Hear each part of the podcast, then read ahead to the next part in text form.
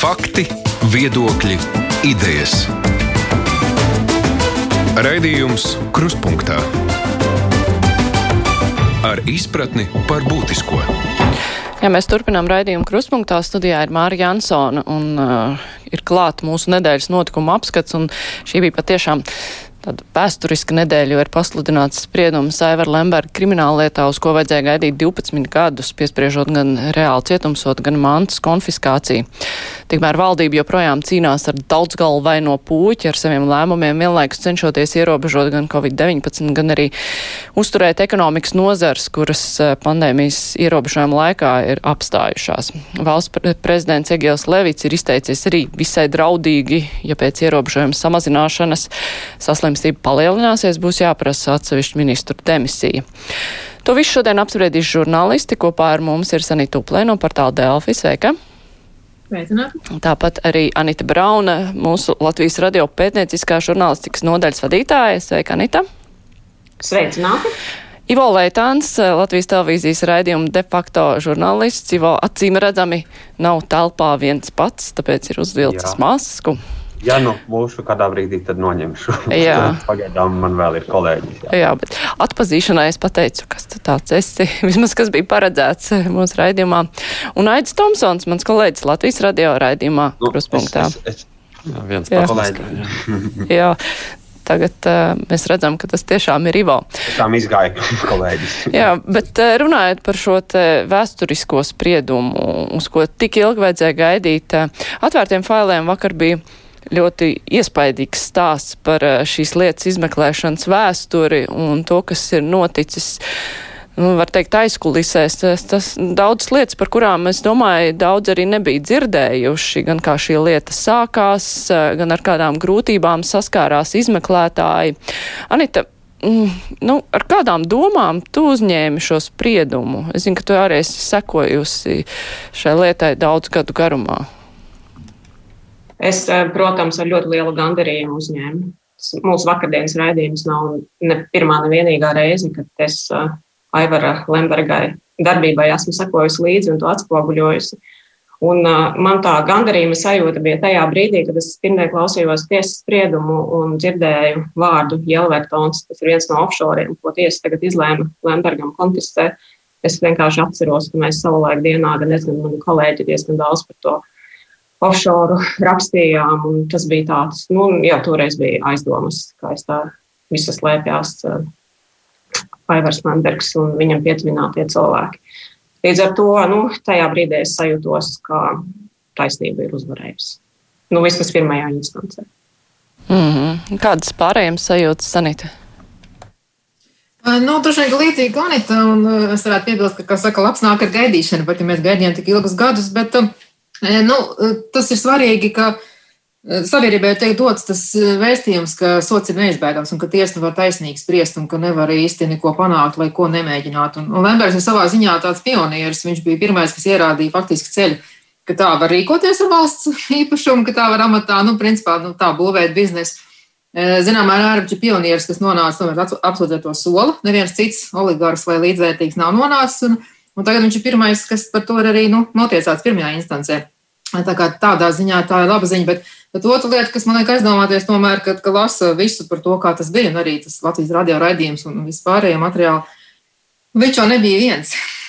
nu, tā visa tā politiskā biznesa vide, kas bija ap to, nu, nu, tas atstāja tomēr tādas mīlas. Bet, nu, labi, protams, ka vismaz viņš atbild par to. Jā. Ivo, kādas tev pārdomas? Tu jau esi liels tiesas sēžu apmeklētājs. Nu, Visi sēžu gluži nē, bet nē, nu, es pēdējā laikā Lemberga preskonferenču apmeklētājs vairāk. Bet e, skaidrs, ka tiešām tās sajūtas ir tādas divējādas. Un, e, Es varbūt vairāk pie tās varbūt skeptiskās, jo, nu, lai nebūtu tā, ka tiešām šis būtu mūsu vienīgais uh, pirmajā laika instancē pagaidām notiesātais par uh, lielā mēroga korupciju personāžu Latvijā. Jo nu, tiešām šī lieta ir par notikumiem, kas ir 94. Uh, gads un mazliet atmazgāšana, kas saistīta ar to pēc apsūdzībām. Uh, teiksim, jaunāko laiku vēsturē, vai pat nu, nezinu, pēdējo 10, 15 gadu vēsturē jau šeit ne, neietilpst šajā lietā, un arī kaut kādās citās lietās, vairākās arī ne.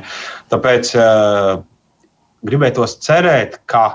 Uh, Neskatoties to, vai šis spriedums paliks vai nepaliks spēkā, bet citās lietās, kuras arī vēl, kas, kurās izmeklēšana, kurās pat nav sākta izmeklēšana, kā arī tajās, un arī par aktuālākiem notikumiem, jo tiešām šie ir notikumi, nu, kad viņi sākās, man bija 12 gadi.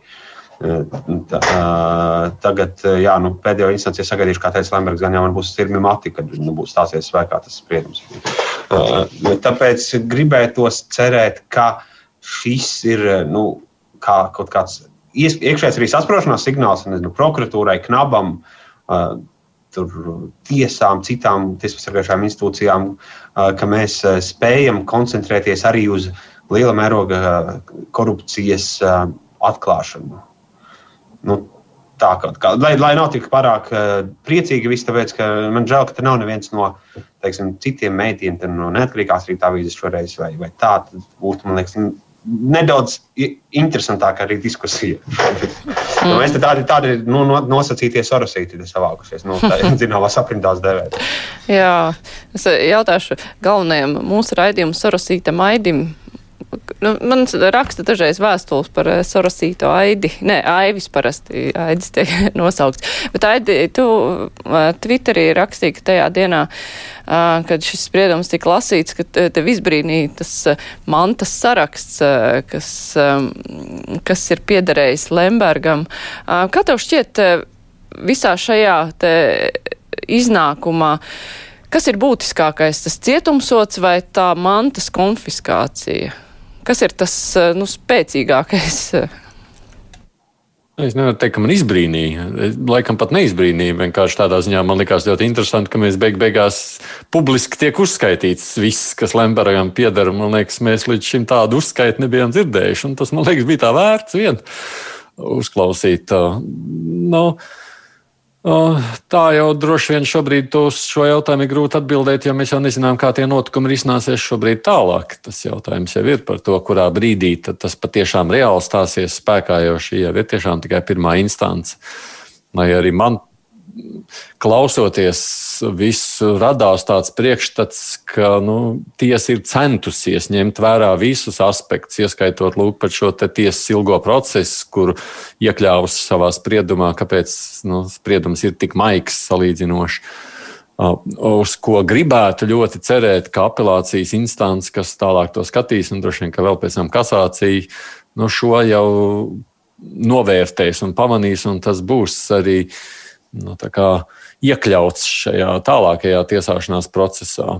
Pats par sevi jau drīzāk interesants jautājums varētu būt, cik ilgi Lembergs šobrīd grasās pavadīt laiku centrālā cietumā. Jo nu, arī šis, man liekas, ir no tādas tiesas puses. Rets, bet ļoti novērtējams solis, jo jautājums jau ir, ir skaidrs, ka Lembergs ir vienmēr bijis ieinteresēts vilkt šo tiesas procesu garumā. Uh, Un, tāpēc jau viņš arī labprāt turpinātu vilkt garumā tālāko visu, ja viņš nebūtu cietumā. Tagad viņam ir ļoti svarīgi tikt ārā, lai viņš varētu vilkt garumā. Un, acīm redzot, arī šo tiesu ir ņēmusi vērā. Man liekas, ka tas ir tāds būtisks aspekts. Bet uh, ar šo te palikšanu, nepalikšanu cietumā, minēja tādu frāzi, cik ilgi viņš ir gribējis, ne, vai paliks cietumā, bet tas jau nav no viņa atkarīgs. Nu, jā, no, nu jā, nē, nu, droši, nē, tas nu, jau nav no viņa atkarīgs. Protams, jā. Jautājums jau ir, kā tālāk reaģēs nākošā tiesa, kas šo jautājumu skatīs. Kā tas varētu attīstīties? Precizēt, ka mm, Aivars Lamberts nevar pārsūdzēt šo drošības līdzekli vienu pašu. Viņš var pārsūdzēt eh, kopumā apelācijas instancē visu spriedumu, un tad tajā brīdī tiesa lēma, vai viņam šis eh, drošības līdzeklis ir paturams vai nē. Līdz ar to nu, tā, ka viņš nākamajās nedēļās iznāks ārā no cietuma, tāds variants eh, nav iespējams. Mm -hmm. nu, viņš noteikti neiznāks. Tu, tas ir pat tas, kas mums arī, liekas, tagad būs. Ir tā viņa advokāts teica, ka pilnīgi skaidrs, ka tuvākās divas nedēļas viņš neiznāks, jo viņam ir karantīna teica, šobrīd cietumā, kur viņš ir ienācis un tur fiziski tur pat pie viņa ne, advokātu nelaiž. Un, Līdz ar to, bet jā, tas ir šobrīd advokāti ir mēģinājuši sniegt, atcaucoties krimināla procesa likuma normām, pie, piemeklēt, vai tās varētu atbilst situācijai, ka viņu varētu tagad jau pārsūdzēt. Bet es arī pētīju, kāda ir praksa, teiksim, kad nu, pirms jau desmit gadiem, kad Štramu un Strānci apcietināja arī pirmās instances tiesā. Uh, nu, toreiz nebija ne, pirms tam, kad sāka skatīt apelāciju vai tika iesniegtas apelācijas sūdzības, nebija nekādas tur uzreiz, neilgi pēc tās ies, ieslodzīšanas, nekādas tiesas sēdes nozīmētas, kurās būtu pārskatītas. Un tas rāda, ka nu, tā praksa tā, tāda nav, ka to nevar izdarīt. Ka, nu, nezinu, vai advokāti to nebūtu izdarījuši toreiz, ja tas būtu iespējams. Līdz ar to es domāju, ka uh, krimināla procesa likuma normas tās nav arī grozītas uh, šai laikā. Uh, Tāpēc eh, nu, visticamāk, ka kaut kas varētu sakustēties tikai pēc tam, kad būs pilnais spriedums, jo, kā arī tiesa norādīja, ka motivācija, kāpēc viņam ir šis apcietinājums, ko pārmet, piemēram, Ventspils domē vai Zaļo un Zemnieku savienība savos preses paziņojumos, eh, būs aprakstīta tur eh, pilnā. Jo, jo tas, un, un, tad, un tad arī to varēs advokāti apstrīdēt, ka tā motivācija lūk, ir ne, nepieņemama. Nu, tāpēc, jā, es domāju, mums ir vismaz vairāki mēneši, nu, ne mums, Aivaram Lembergam ir jāgaida vairāki mēneši, lai sāktu, lai parādītos viņam cerība, ka viņš varētu iznākt uh, brīvībā, pārsūdzot šo drošības līdzekļu apcietinājumu. Sanīt pieminēja, ka ir palikusi šķērma duša redzot eh, nu, tos daudzos iesaistītos cilvēkus, eh, kuri nu, ir tieši vai netieši atbalstījuši šo Lemberga darbību. Un atvērtajos failos vakar tajā sižetā parādījās uh, šie Lemberga stipendijāti, kuriem ir samaksāti nepilni 10 miljoni eiro, bet ka šī lieta nav tā kā pazudusi, par to pēdējā laikā nu, jau sen vairs nerunā, bet vai ir cerības, ka šī stipendijāta lieta uzpeldēs un tie politiķi, kuriem ir maksāts, tie, nu, tā kā kaut kādā veidā atbildēs par to, kas ir noticis. Anita, kā tev šķiet? Man liekas, ka būs ļoti, ļoti grūti pierādīt, eh, ka tie konkrētie cilvēki ir saņēmuši to naudu un viņus notiesāt. Proti, tas stāsts ir tāds, ka tie stipendijātu saraksti uh, ir skaidras naudas izmaksas saraksti. Un runa ir par tātad naudām, kuras ir maksātas pirms cik tur gadu desmitiem nu jau. Uh, un līdz ar to pierādīt šobrīd to, ja tajā brīdī tas nav fiksēts līdzīgā veidā, kā, piemēram, Uģa Magoni aizturēja ar pusmiljonu pagāžniekā un par tur tiesa attaisnoja viņu. Nu, šādu lietu pierādīt ir, manuprāt, ļoti, ļoti grūti. Un es nezinu, vai tas ir iespējams šobrīd. Bet eh, es tagad neatceros to ķēdīti, bet bija kaut kāds iemesls, kāpēc prokuratūrā, cik es saprotu, gaidīja šīs lietas spriedumu, lai varētu tālāk virzīties ar to stipendijātu lietu. Līdz ar to tur kaut kādi varbūt uh, procesi vēl notiks. Bet par um, kolēģu komentāriem par to, ka mielas ir palikušas un ka um, nu, visādi citādi vēl dažādas problēmas ir, es tomēr gribētu uzsvērt, ka šis ir tomēr milzīgs tiesu sistēmas panākums un prokuratūras panākums. Jūs iedomājieties, šī lieta sākās ah, laikā, kad Aivars Lembergs bija ietekmīgākā droši vien persona Latvijā. Viņš pirka politiķus, viņš kontrolēja tiesību sargājošās iestādes.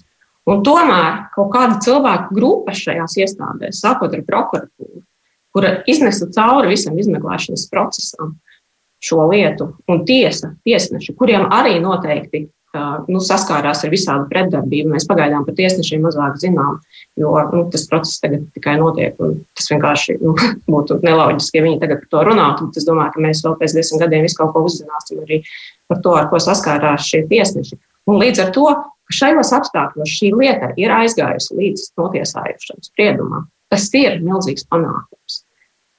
Un... Man arī nav nekādu mīļu, tāpēc, ka nu, viss jau, protams, būs mūžīgs stāsts par to, ka pilnīgo taisnību mēs šajā pasaulē nekad neredzam, neredzēsim. Bet laikam jau Lembergs tomēr ir visvērienīgākais no politikā šādā veidā darbojošais cilvēks bijis. Es citu nenosaukšu, lai arī kā mums šķiet arī ļoti nozīmīgi vēl daži citu oligarhi šeit pieminētie. Es domāju, ka Lemberga uh, ietekme ir bijusi vis, vis, vis, vislielākā uh, Latvijā. Un droši vien arī tas atstātais iespējas uz politiku, jo 90. gados, kad tas viss sākās, tas sākās līdz ar neatkarības atgūšanu, kurš viņš pats jau balsoja par neatkarības atgūšanu, atceramies, vai ne? Faktiski, no. Visa, nu, visa tā sistēma, kāda Latvijā tika uzbūvēta 90. gados, tā ir būtībā Lemberga būvēta sistēma, tā politika, kāda tajā brīdī bija. Un nav jau tā, ka šie politiķi nezināja, ko dara pie tam. Uh, Ir nu, tie, kas strādāja žurnālistikā, mēs, es strādāju 90. gados. Es nezinu, cik daudz tev māte nācās tajā brīdī iesaistīties, bet uh, nu, mēs taču labi zinājām, politiķi paši savā aizkulisēs virtuvēs, vismaz man stāstīja to lietu, stāstīja ar to apziņu, ka viņiem pašiem ir bail. Un tu jau arī, es tāpat zinot daudzas lietas, zināju, ka es nevaru pierādīt, un tāpēc par tām lietām tu nevari runāt, jo viņās nav pierādījumu tev. Bet tie stāsti jau nāca no daudzām pusēm, ieskaitot no pašām augstākajām amatpersonām. Man tu ir stāstījuši neviens vien premjers. Nu, proti, tās lietas jau visiem bija zināmas. Jautājums, uh, Es pat tiešām biju skeptisks, ka, kad izdosies aizvest to līdz kaut kādam rezultātam. Tāpēc, man, tāpēc es arī teikšu, ka tas šīs nedēļas notikums ir Latvijā vēsturisks notikums. Es precizēšu, es jau neapšaubīju, ka man nav mīlestības par tiesas spriedumu un par tiesas darbu. Es ļoti augstu vērtēju. Un tiesa, tas, kas bija, ko viņi skatīja, kas ir šajā lietā apsūdzēts, tos cilvēkus viņi ir notiesājuši, viņi neataisnoja. Un tā ir tiesiskuma uzvara. Bet tas, ko es teicu, vienkārši, man liek aizdomāties, un viss šīs saites nu, par to, kāds viņam bija šis iespējas uz šo politiku visus šos gadus, un kā cilvēki, principā, labprātīgi un, un kādu iemeslu dēļ, varas, kaut kādas naudas dēļ, pat ne ļoti liela summa, ka viņi tajā iesaistījās, un šie cilvēki vēl daudz gribēja varas. Tas ir tas, par ko es gribēju teikt, ka nu, tā lieta, nu, mēs neesam līdz galam ar šo nu, attīrījušies. Mums ir liels darbs priekšā, tieši tajā politiskajā. Jo, piemēram, Zaļo zemnieku savienības valde var izplatīt uzreiz pēc tiesas sprieduma paziņojumu. Nu, ka šis ir kaut kāds pašvaldību vēlēšanām saistīts tam līdzīgi, nu, tad man liekas, nu, vai tiešām, vai tiešām viņi nesaprot, ko ir stāsts. Un tad ir jautājums, vai ZZS vēlētājiem tas ir svarīgi vai tas nav svarīgi. T tas bija tas, ko es gribēju pateikt, ka mums ir ļoti daudz vēl jāattīra. Nē, man bija savādākas sajūtas. Īstenībā to pašu mūsu raidījumu gatavojot un skatoties uz tiem politiķu vārdiem, kuri pirmdienās brauca uz Vēnspili atskaitīties pie Aivara Lemberga, nu, no tiem, kas tur tika minēti liecībās. Šobrīd politikā ir palicis viens, nosauksim viņu vārdā, Roberts Zīle. Uh, nu, protams, zaļzemnieki. Uh, līdz ar to tas, ko es gribēju pateikt, mēs īstenībā šobrīd politikā esam, uh, nu, cita paudze politiķu šobrīd ir pie varas, un par to mēs varam būt tomēr gandarīti, ka mēs Nu, nu tā situācija, tie nav 90. gadi vairāk. Nu, pagāja, ka 30 gadi arī pagāja objektīvi, cita, cita paudze arī nāk. Nu, arī Tas ir taisnība, jā, jā. Bet, nu, jā, bet es, es teikšu, ka lielā mērā tur ir kaut kāda emocionālā saite palikusi. Un, protams, Emocionāli ir vēl joprojām. Un, jā, jā, jā, un... jā. Bet tieši tādā veidā faktiski es jau gan uzskatu, ka ne jau pēdējos gadus. Lembergs varēja panākt fondu pārdali, viņam varbūt izdevās panākt naudas sadali. Uh, Bet tā ietekme politikā jau viņam jau vairākus gadus jau nav tāda, kāda tā bija. Jā, pat ja viņam neietekme, ko es gribēju teikt, teiksim, tad pat ja šobrīd nav tieši pie amatiem, bet ir daudz cilvēku un augstos amatos mēs zinām, kuri e, bija pateicoties Lembergam amatā, kur ieguva politisko varu pēc tam, un tagad viņi ir biznesā, un arī varbūt arī biznesam pamatam ieguva naudu, tur viņi arī paliek, un tur viņi arī dzīvo. Tā, tādā nozīmē, ka nu, tā attīrī, es gribu teikt, ka tā attīrīšanās ir, ir, ir ir jābūt plašākai, bet šis ir tikai sākums. Nu, tur jau atceramies, tas jau nav stāsts tikai beig beigās par Latvijas neatkarību. Kur tad Lembergs ņēma to naudu? Viņš bija komjaunatnes sekretārs, viņš atnāca no padomju savienības patiesībā iecelts Vanspilī, un tā bija nauda, kas nāca viņam līdzi, tā, tā, tā, nu, tas starta kapitāls, kas nāca no PSRS. Viņš jau ar to sākotnēji arī operēja un tālāk veidoja. Un līdz ar to daudzas lietas, kas tur ir bijušas saistītas ar, ko mēs tādā sakām, ar čekas maisa atvēršanu vai visas citas lietas, tur ir diezgan tuvu saistītas.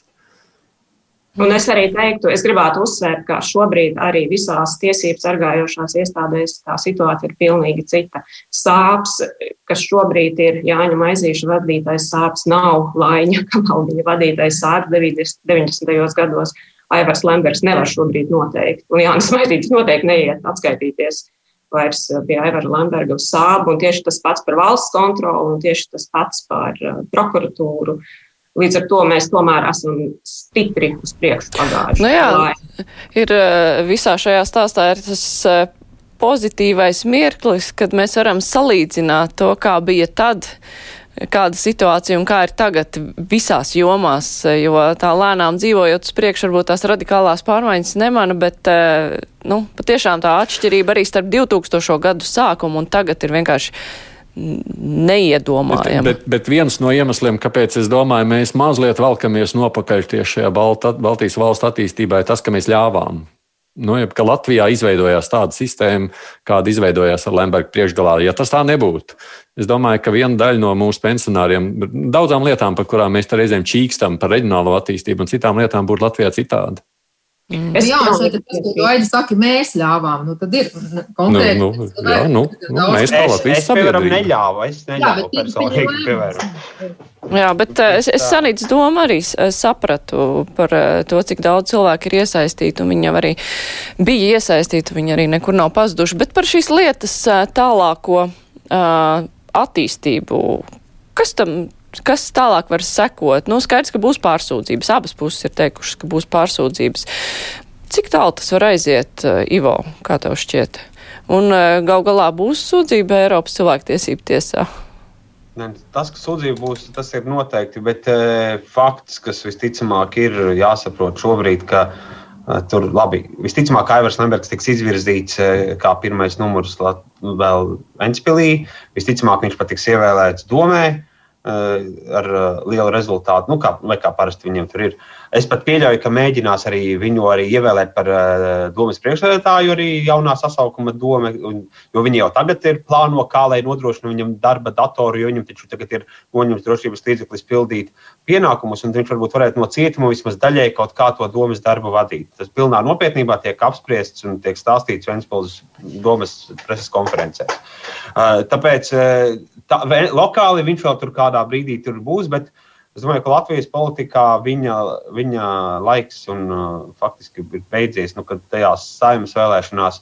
Nu, Partija Latvijas nespēja šobrīd, jo viņiem nav vairs bankas konta kaut vai OFAC sankciju dēļ. Uh, viņiem tagad tur uh, cilvēki maksā visas partijas komunālos apmaksā biedri paši tur individuāli. Tur vienkārši jau bankai nu, vairs nav partija. Nu, tā partija arī kad izbeigsies, ja viņi, ja viņi no tā ir Lemberga neatkāpsies. Uh, Zaļo zemnieku savienība ir jautājums, vai viņi vispār tāda kā vēl pastāvēs nākamajās saimnes vēlēšanās. Tur arī nāk pašvaldību vēlēšanas. Es pieļauju, ka daudz cilvēku, esmu dzirdējis, ka, ka kādi biedri, kas ir partiju, viņiem atļauj partijas startēt no citiem sarakstiem.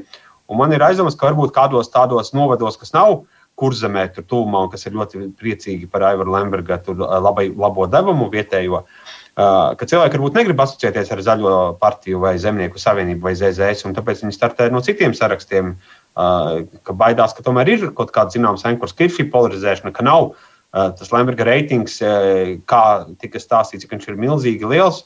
Zināmās sabiedrības segmentā, jā, bet, ja mēs tā skatāmies, tur, nu, to tendenci, nu, viņa ir lejupējoša tāda. Un, un, un, un tāpēc, to, tāpēc, kā tā lieta tālāk vilksies, nu, skaidrs, ka viņa vēl kādus gadus vilksies, bet, teiksim, politiski uh, Airs Lamers, es domāju, ir beidzies šobrīd. Nu, tur, tur, tur, tur gadi arī viņam vairs nav tie, nu, lai viņš vēl tur, viņš vēl, e, tur nogurums e, no dzīves, nogurums no šī visa.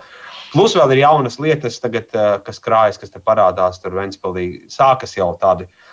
Nu, teiksim, es pieļauju, ka, ka bija tāda zināma, pret Tēvu Lembergu bija tāda skatīšanās caur pirkstiem, viņš jau tāpat tiek tiesāts. Jo Es pieļauju, ka ļoti daudz varētu sākt jaunus, svaigus kriminālu procesus, kas tiek sākti pret citiem, citās pašvaldībās, pret vadītājiem par daudz mazākām summām, kā mazākām lietām. Tas, kas Ventspīlī likās pašsaprotami, eh, no likuma viedokļa nezinu, vai tā ir. Un tagad, eh, un tagad tam arī klāt pieķeras institūcijas un sāk pētīt, vai tiešām var.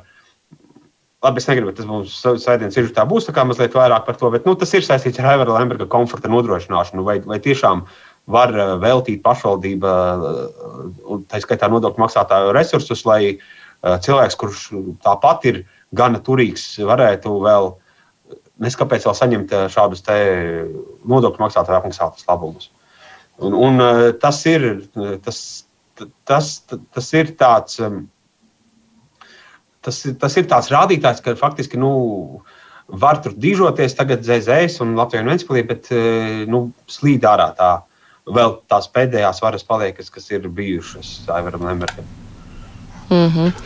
Kas šajā stāstā būs tas svarīgākais, kā šī lieta attīstās politiski vai tīri tiesiski? Anita. Nu, tiesiski skaidrs, ka būs apelācija. Es uh, saprotu no uh, prokuroru un no tiesnešu komentāriem arī pēc šīs prāvas, ka šobrīd tomēr krimināla likums vai krimināla procesa likums ir uzlabots, un tagad tās eh, procedūras, nu, likumiskās ir tādas, ka, ka tik gari vairs tādas prāvas nevilktos, un parasti arī ir tendence, ka apelācijas, apelācijas liet, eh, lietā nu, neizskata tik gari. Līdz ar to es nedomāju, ka priekšā ir vēl 12 gadi, kas noteikti būs īsāk.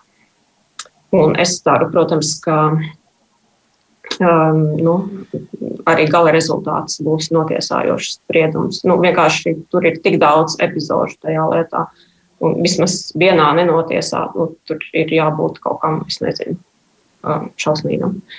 Bet uh, par politisko, uh, nu, es domāju, ka nacionālajā politikā Aivaram Lembergam nav diezko liela ietekme vairāk, kas attiecās uz Vēnspili. Es pieļauju, ka, nu, jā, nākamajās vēlēšanās pašvaldība ievēlēs tur. Uh, Bet es gribētu vienu detaļu uh, norādīt. Es atceros, ka arī iepriekšējās pašvaldību vēlēšanās īstenībā tas atbalstītāju uh, pulks Vēnspilī Aivaram Lembergam nav nemaz tik liels.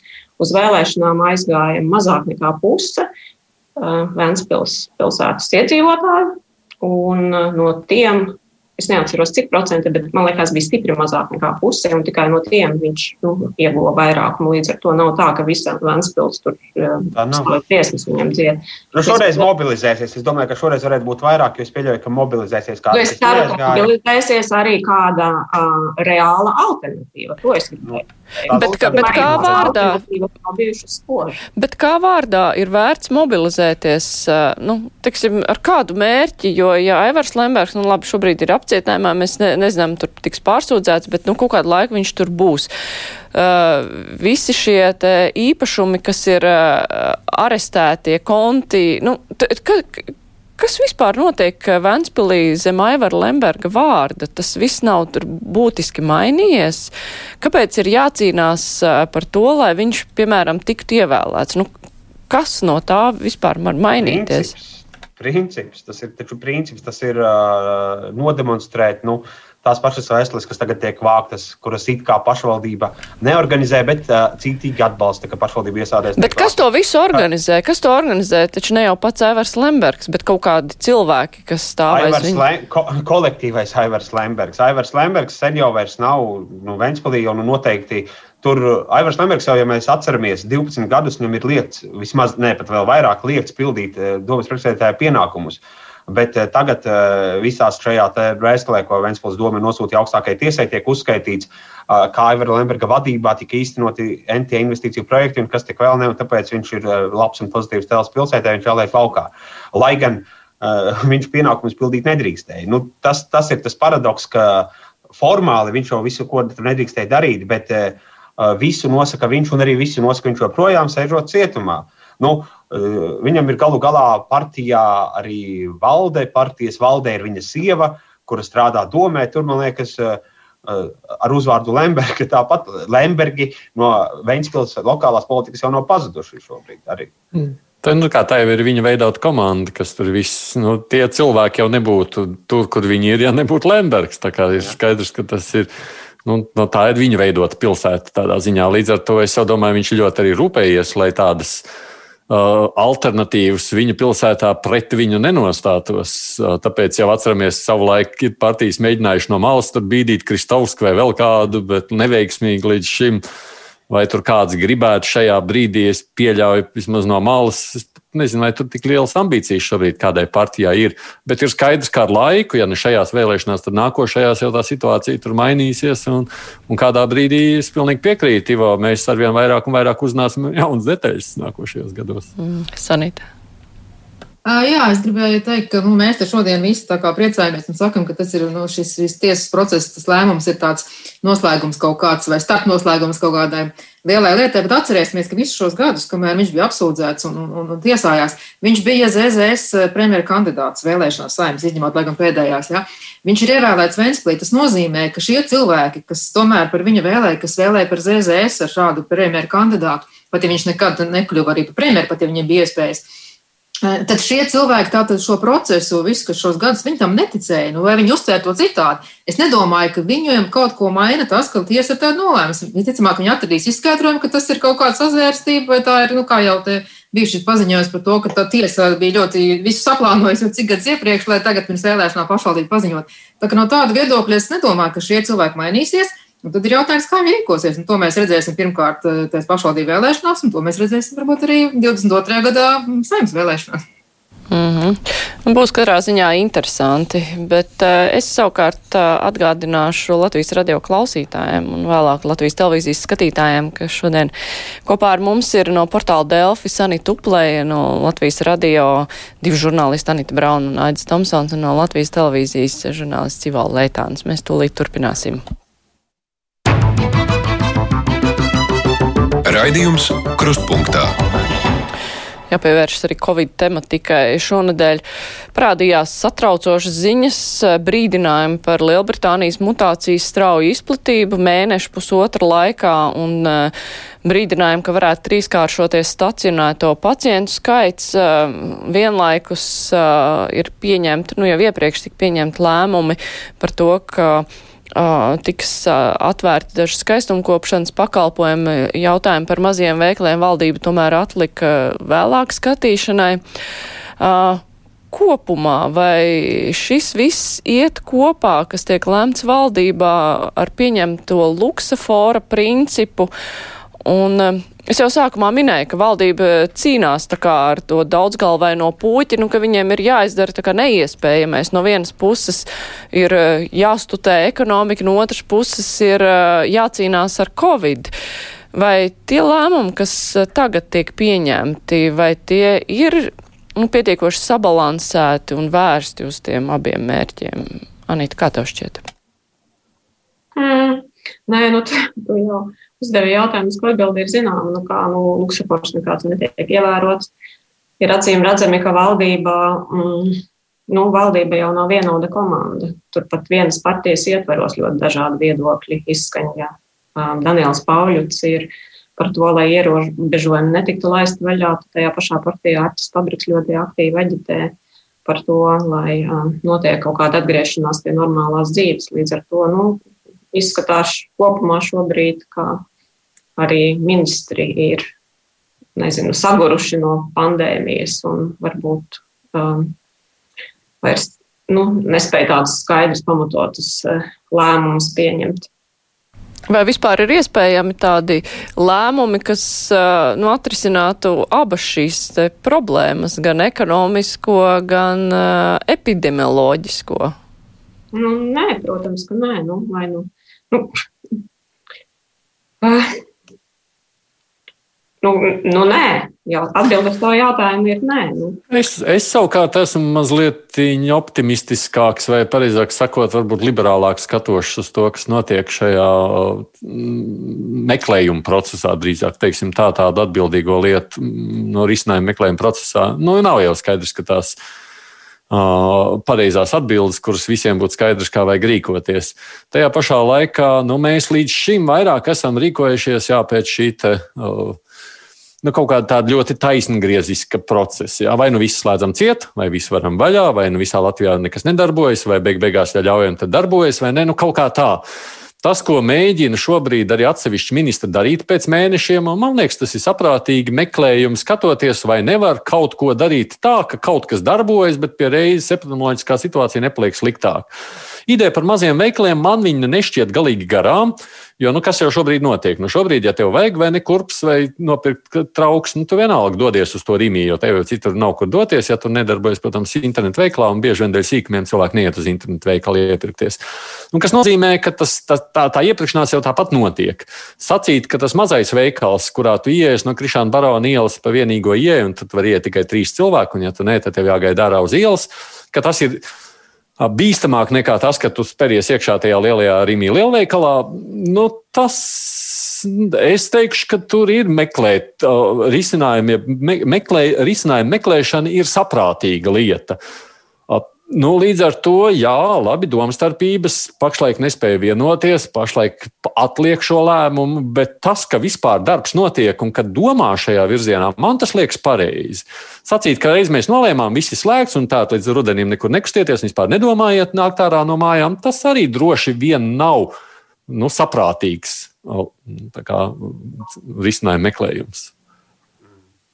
Es nezinu, man personīgā līmenī arī reizēm ir, manī, nu, ir cīnās tās divas sajūtas. Viena tā sajūta ir, ka jā, nu skaidrs, ka pandēmija ātri nebeigsies, mums ir jāatrod veidi, kā ar viņu sadzīvot, un varbūt, ka kaut kas jāver vaļā.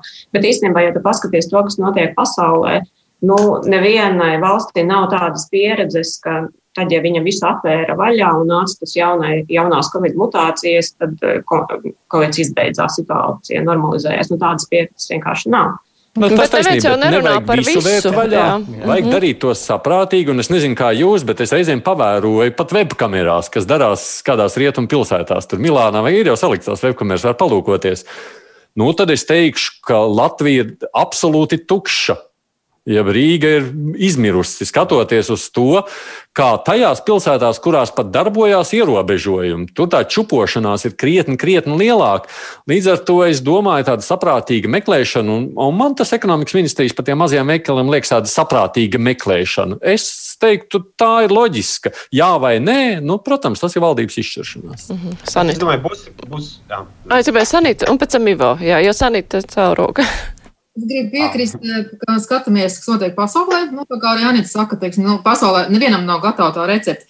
Bet es arī esmu noklausījies nevienam šīs atklātās eh, četras, bijušas valdības sēdes, pilnīgi visas izstās stundas darba laikā vai pēc darba laika. Un es faktiski saprotu, es saprotu tos ministrus, lai gan vakardien, teiksim, arī pēc tās valdības sēdes, pēc man raksta diezgan daudz internetā ņirgājās par tiem, ka viņi nevar atbildēt lēmumiem, ka viņam informācija, bet es saprotu, ko viņi saka. Jo, manuprāt, tā eh, ekspertīze no ekspertiem, un tā analīze ir ārkārtīgi vāja. Principā viņas nav. Viņa, ministriem ir jāpieņem politiski lēmumi. Viņiem ir jās, jās, jāsamēro tās nu, visas sabiedrības intereses, teiksim, vai bērni iet skolā, vai bērni paliks bez izglītības, vai, vai vecie cilvēki pansionātos paliks dzīvi un tam līdzīgi.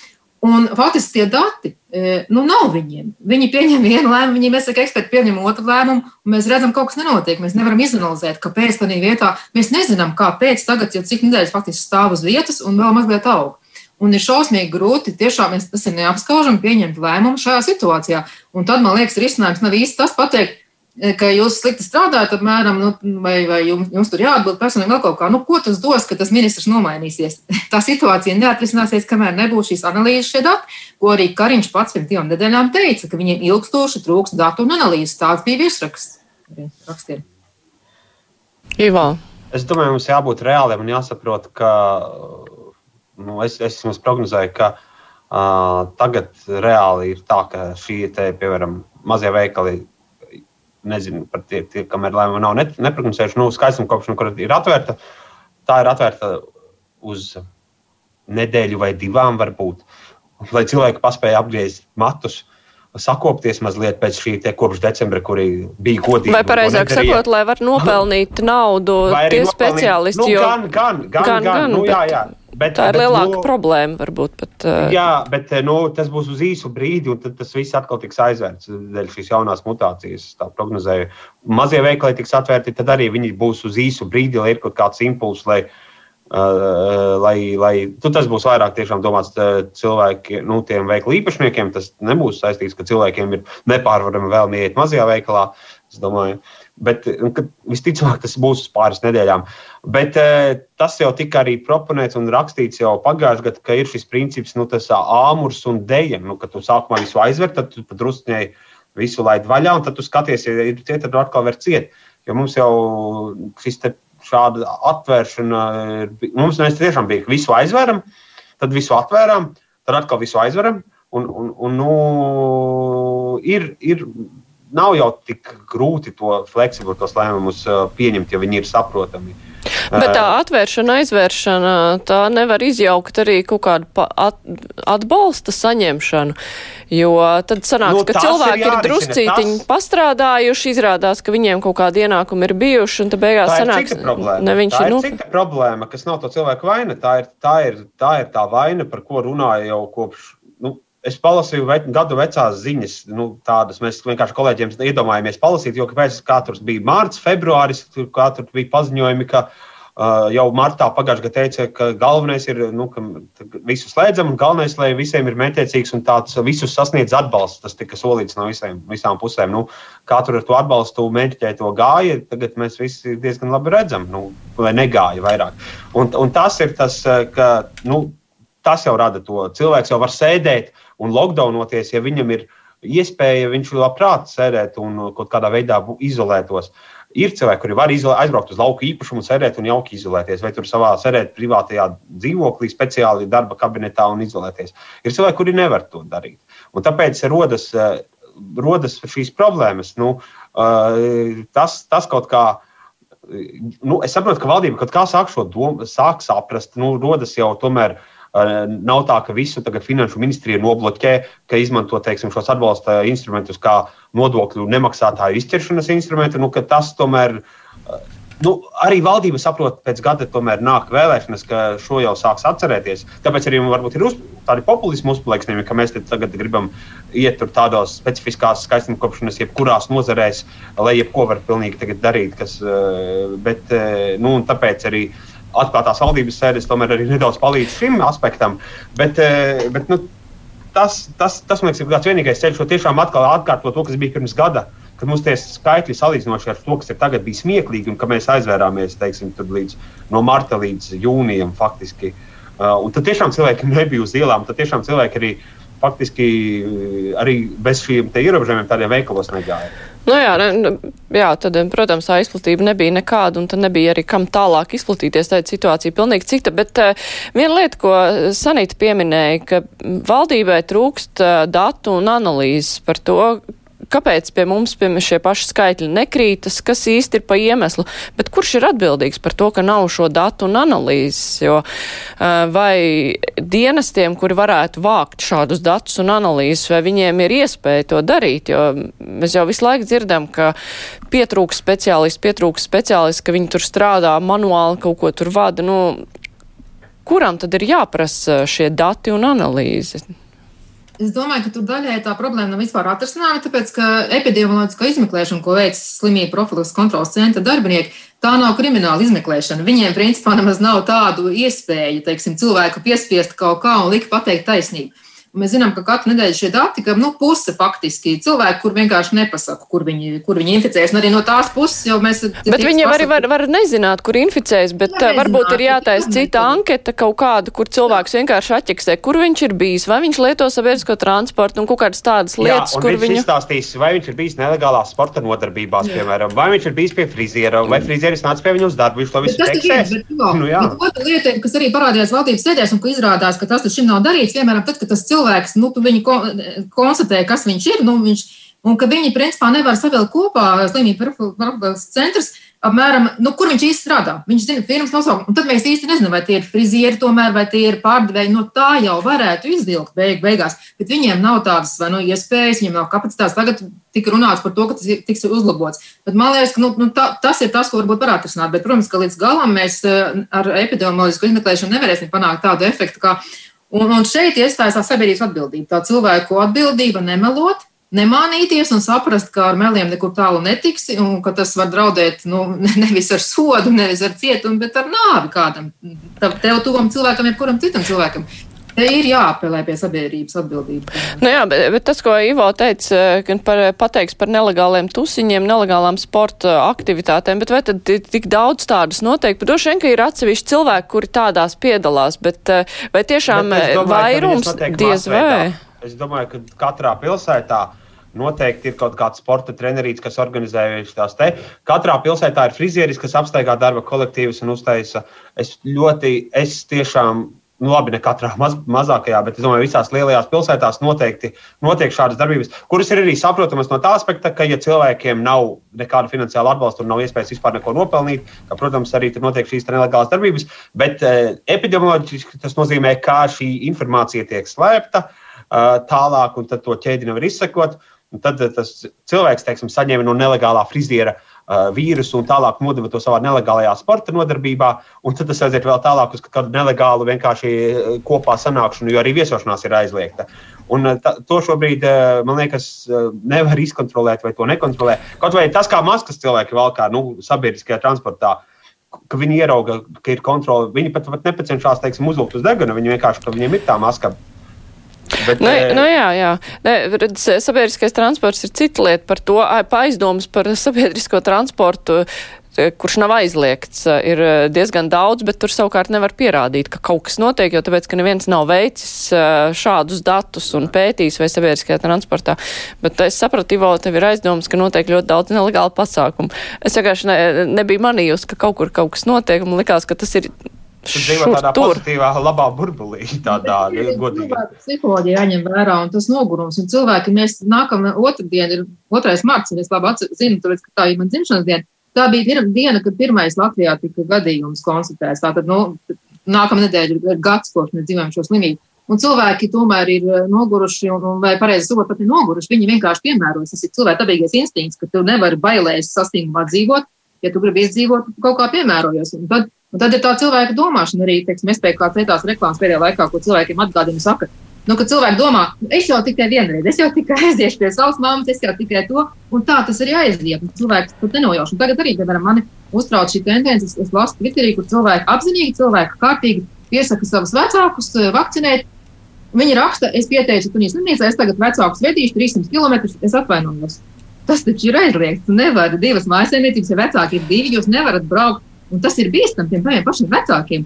Nu, un, un, ko es ar to gribu pateikt? Ka, principā, cilvēki, kas labi domājot, un, un pati, patiesībā viņi pat paši sanāk pārkāpju, es gribu tikai labi. Bet tad sanāks, ka tas vecāks, viņam ir jāpieņem lēmums, vai nu vakcinēt vecāku, vai viņu, vai ar viņu no, satikties. Jā, nu? tālu, 300 km, vai tiešām nevar neko tuvāk, vai, ne, vai, vai nevar nu. rast citu veidu. Bet, bet tas faktiski tā ir tā cilvēka arī domāšana psiholoģiskā, un tas ir ļoti būtisks faktors, un to ir grūti valdībai un ministriem kaut kādā, nu, kaut kā mainīt. Mm. Viena lieta, mums bija diezgan daudz brīvajā mikrofonā sanāca par to runa, jo tā bija svaiga ziņa par e, to, ka ir ierosinājums uh, piešķirt atbalsta naudu baznīcēm. Un jautājums, vai baznīcas ir tās, kurām ir nepieciešams, kuras nepieciešams atbalstīt Covid laikā. No klausītāja puses bija ļoti dažādi viedokļi, kur bija gan, ka baznīca uzsvērts, ka baznīca šķirt no valsts un baznīcām nav nekāda zaudējuma, no otras puses, ka baznīcām zaudējumi tomēr ir, un tas ir liels, liela atbalsta vieta cilvēkiem, kuri nonāk grūtā situācijā. Un arī bija viedokļi, ka tas ir politisks lēmums tikai popularitātes kalšanai attiecīgās partijas. Un no otras puses, nu, ka tā ir laba un svarīga lieta. Aidi, kā tev šķiet, vai baznīca ir tā, vai šajā te visā Uh, nu, ir daudz, kam ir nepieciešams atbalsts šajā laikā, vai baznīca ir tā, kura ir jāatbalsta Covid laikā? Nedomāju, ka baznīca atšķiras no jebkuras citas kaut kādas iestādes vai organizācijas, kuras nu, dzīvē pastāv tajā brīdī, kad valsts pasaka, ka baznīcā uz dievkalpojumu pulcēties tu nevari, un uz lielajām baznīcām tas ļoti tieši attiecas. Es zinu, ka, protams, vienmēr pastāvēs kāds draugs vai baznīciņas, kas to neievēros, bet tā tas laikam būs tāpatās kā ar frizieriem vai ko citu. Brīdī, kad tu neļauj, tad ir skaidrs, ka ir jāmeklē kaut kāds kompensējošais mehānisms pašām baznīcām, jo baznīca jau dzīvo tikai un vienīgi no cilvēku ziedojumiem. Nu, tādā ziņā jau valsts Latvijā neatbalsta baznīcu, kā tas ir pieņemsim Vācijā. Līdz ar to nu, es domāju, ka šis ir tikai saprātīgs lēmums. Tajā brīdī, ja valsts saka, ka tev nedrīkst, Nu, tad jautājums, cik no kā tas mācītājs dzīvos. Viņam jau arī, nu, labi, katoļiem nav ģimenes, bet uh, lutrāņiem, baptistiem, visiem pārējiem jau ir ģimenes ar bērniem un, un, un dzīves biedri, un tā ģimene kaut kādā veidā jāuztur. Un ļoti daudz mācītāju šobrīd ir nonākuši tādā situācijā, ka viņi ir uz sēkļa. Tāpēc man liekas, ka tas neatiecas. Es nezinu, kā tas ir. Tas, tas nē, nu, līdz šim jau tā kā nē, jo viņi jau turpina darbu tāpatās kā, Jā. kā līdz šim. Viņu apjoms tur nav mazinājies, un viņi jau ienākumu tādā veidā arī netiek uzskaitīti nemaz. Līdz ar to nu, tas ir. Baznīca jau patiesībā, es zinu, ļoti daudz šobrīd domā, kā izdzīvot šajā laikā un kādā veidā samaksāt uh, gan nu, nekustamās īpašumu, kas tur nodoklis jāmaksā viņiem daļai, ir, protams, jāmaksā visi komunālie pakalpojumi, vispārējās lietas. Nu, tā kā es teiktu, nu, tā summa nav, man liekas, neizklausās arī ļoti liela. Protams, mēs jau redzējām pavasarī, kas notikās ar baznīcām. Un, bet tad, mēs ļoti labi redzējām, vai ne? Bija baznīca, kas saņēma vairāk, un bija baznīca, kas saņēma mazāk. Un tas ir jautājums, cik baznīcas paši sakārtojuši savas attiecības ar valsti, maksā nodokļus un tam līdzīgi. Un, nu, te, nu, tur tāds zināms bumerangs, protams, daļai nāk atpakaļ. Mm -hmm. Kāda ir tā summa? Es vienkārši to nepiefiksēju. 250 miljonus bija. Jā, jā 250 tūkstoši. Nu, tad, tad es domāju, šis ir tiešām simbolisks atbalsts, kas nav tā nu, šī nav tāda tik, tik būtiska tā diskusija, vai to vajag vai nevajag. Ja ir iespēja atbalstīt dažādus sektorus, tad nu, tomēr, tomēr nu, tā, val, tā, tā lielā diskusija, kas bija par 200, ne 180 laikam, miljoniem, kas bija par šo 500 eiro jau folklorizējušamies, nu, tā, tā es saprotu, būtu jāvelta valdībai varbūt ilgāks laiks un koalīcijai. Šī summa ir tāda, ka man liekas, tur nu, tīri ideoloģiski apsvērumi varētu principā pēc kāds iebilst, varbūt, bet man liekas, šis nav tas gadījums, ka būtu tāpēc jādemonstrē kādi principi šādā veidā.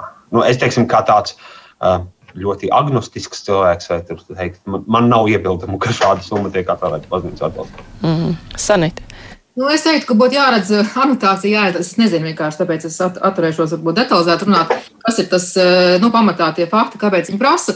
Bet es pieļauju tas, ko Aidis teica. Tas liekas, viss ir ļoti loģiski argumenti, nu, ka tiešām kā tās baznīcas funkcionēja pirms un pēc krīzes. Un, nu, tā kā baznīca un reliģija no cilvēka dzīvē un sabiedrībā un normālā valstī nu, nu, ir vajadzīga un, un paliekoša daļa un vērtība, tad es neredzu problēmu, ka mēs krīzes laikā atbalstam arī, baznīcas. Un tiešām šī summa nav milzīga liela. Anita, piekrīti? Piekrītu, jā. Ja mācītājiem nav ko ēst, protams, valstī ir jāpalīdz. Tāpēc, ka nu, ir valstī nu, noteikti ierobežojumi. Ja šī iemesla dēļ viņa, nu, teiksim, viņa nespēja izdzīvot, jā, valstī ir jāpalīdz. Nu, tāpēc, ka cilvēki jau nāk uz baznīcu un met iekšā savos ziedojumu traukos. Līdz jā. šim jau nu, tas tā ir. Tajā brīdī, ja tev nenāk cilvēks, tev nav ziedojumu, tev nav ziedojumu, tev nav nekā. Ja tev nav uzņēmums, kuram kā tur apgrozījums skaties par 30%, baznīcas nav uzņēmums, kurš jā. var uzrādīt tā, nu, tad tev nav dīkstāvs apvalsts. Mm -hmm. Katrā ziņā eh, noskaņa šajā jautājumā, tad eh, šajā diskusijā parādījās nekā pilnīgi citāda nekā uh, sarunā ar Filipu Rajevski, politologu, kurš bija mūsu brīvā mikrofona viesis savukārt, kurš bija ļoti skeptisks un, nu, kā jau īstenis politologs, vairāk saskatīja tajā to politisko zemtekstu un tā. Pavisam īsi sanīt, jā. Ir 200 tūkstoši eiro PR firmām par, par reklāmām. Jā. Tagad ir visām 250. Jā, sapcīt, Man liekas, ir... tur bija vēl lielāka summa, godīgi sakot, Sanita, tur bija tā kopējā, kas bija tam PR, bija krietni vēl vairāk. Jā, interesanti tiešām likt ciparus blakus. Bet es teikšu paldies eh, mūsu diskusijas dalībniekiem. Eh, šodien kopā ar mums bija Sanita Uplē no portāla Delfi, Valētāns no Latvijas televīzijas rādījuma de facto, Anita Brauna, mūsu Latvijas radio pētnieciskā žurnālistikas nodaļas vadītāja, arī Aidis Tomsons, mans kolēģis rādījumā Kruspunktā. Bet rādījums ar to izskan producente Junām studijā bija Mārija Ansona. Visu labu!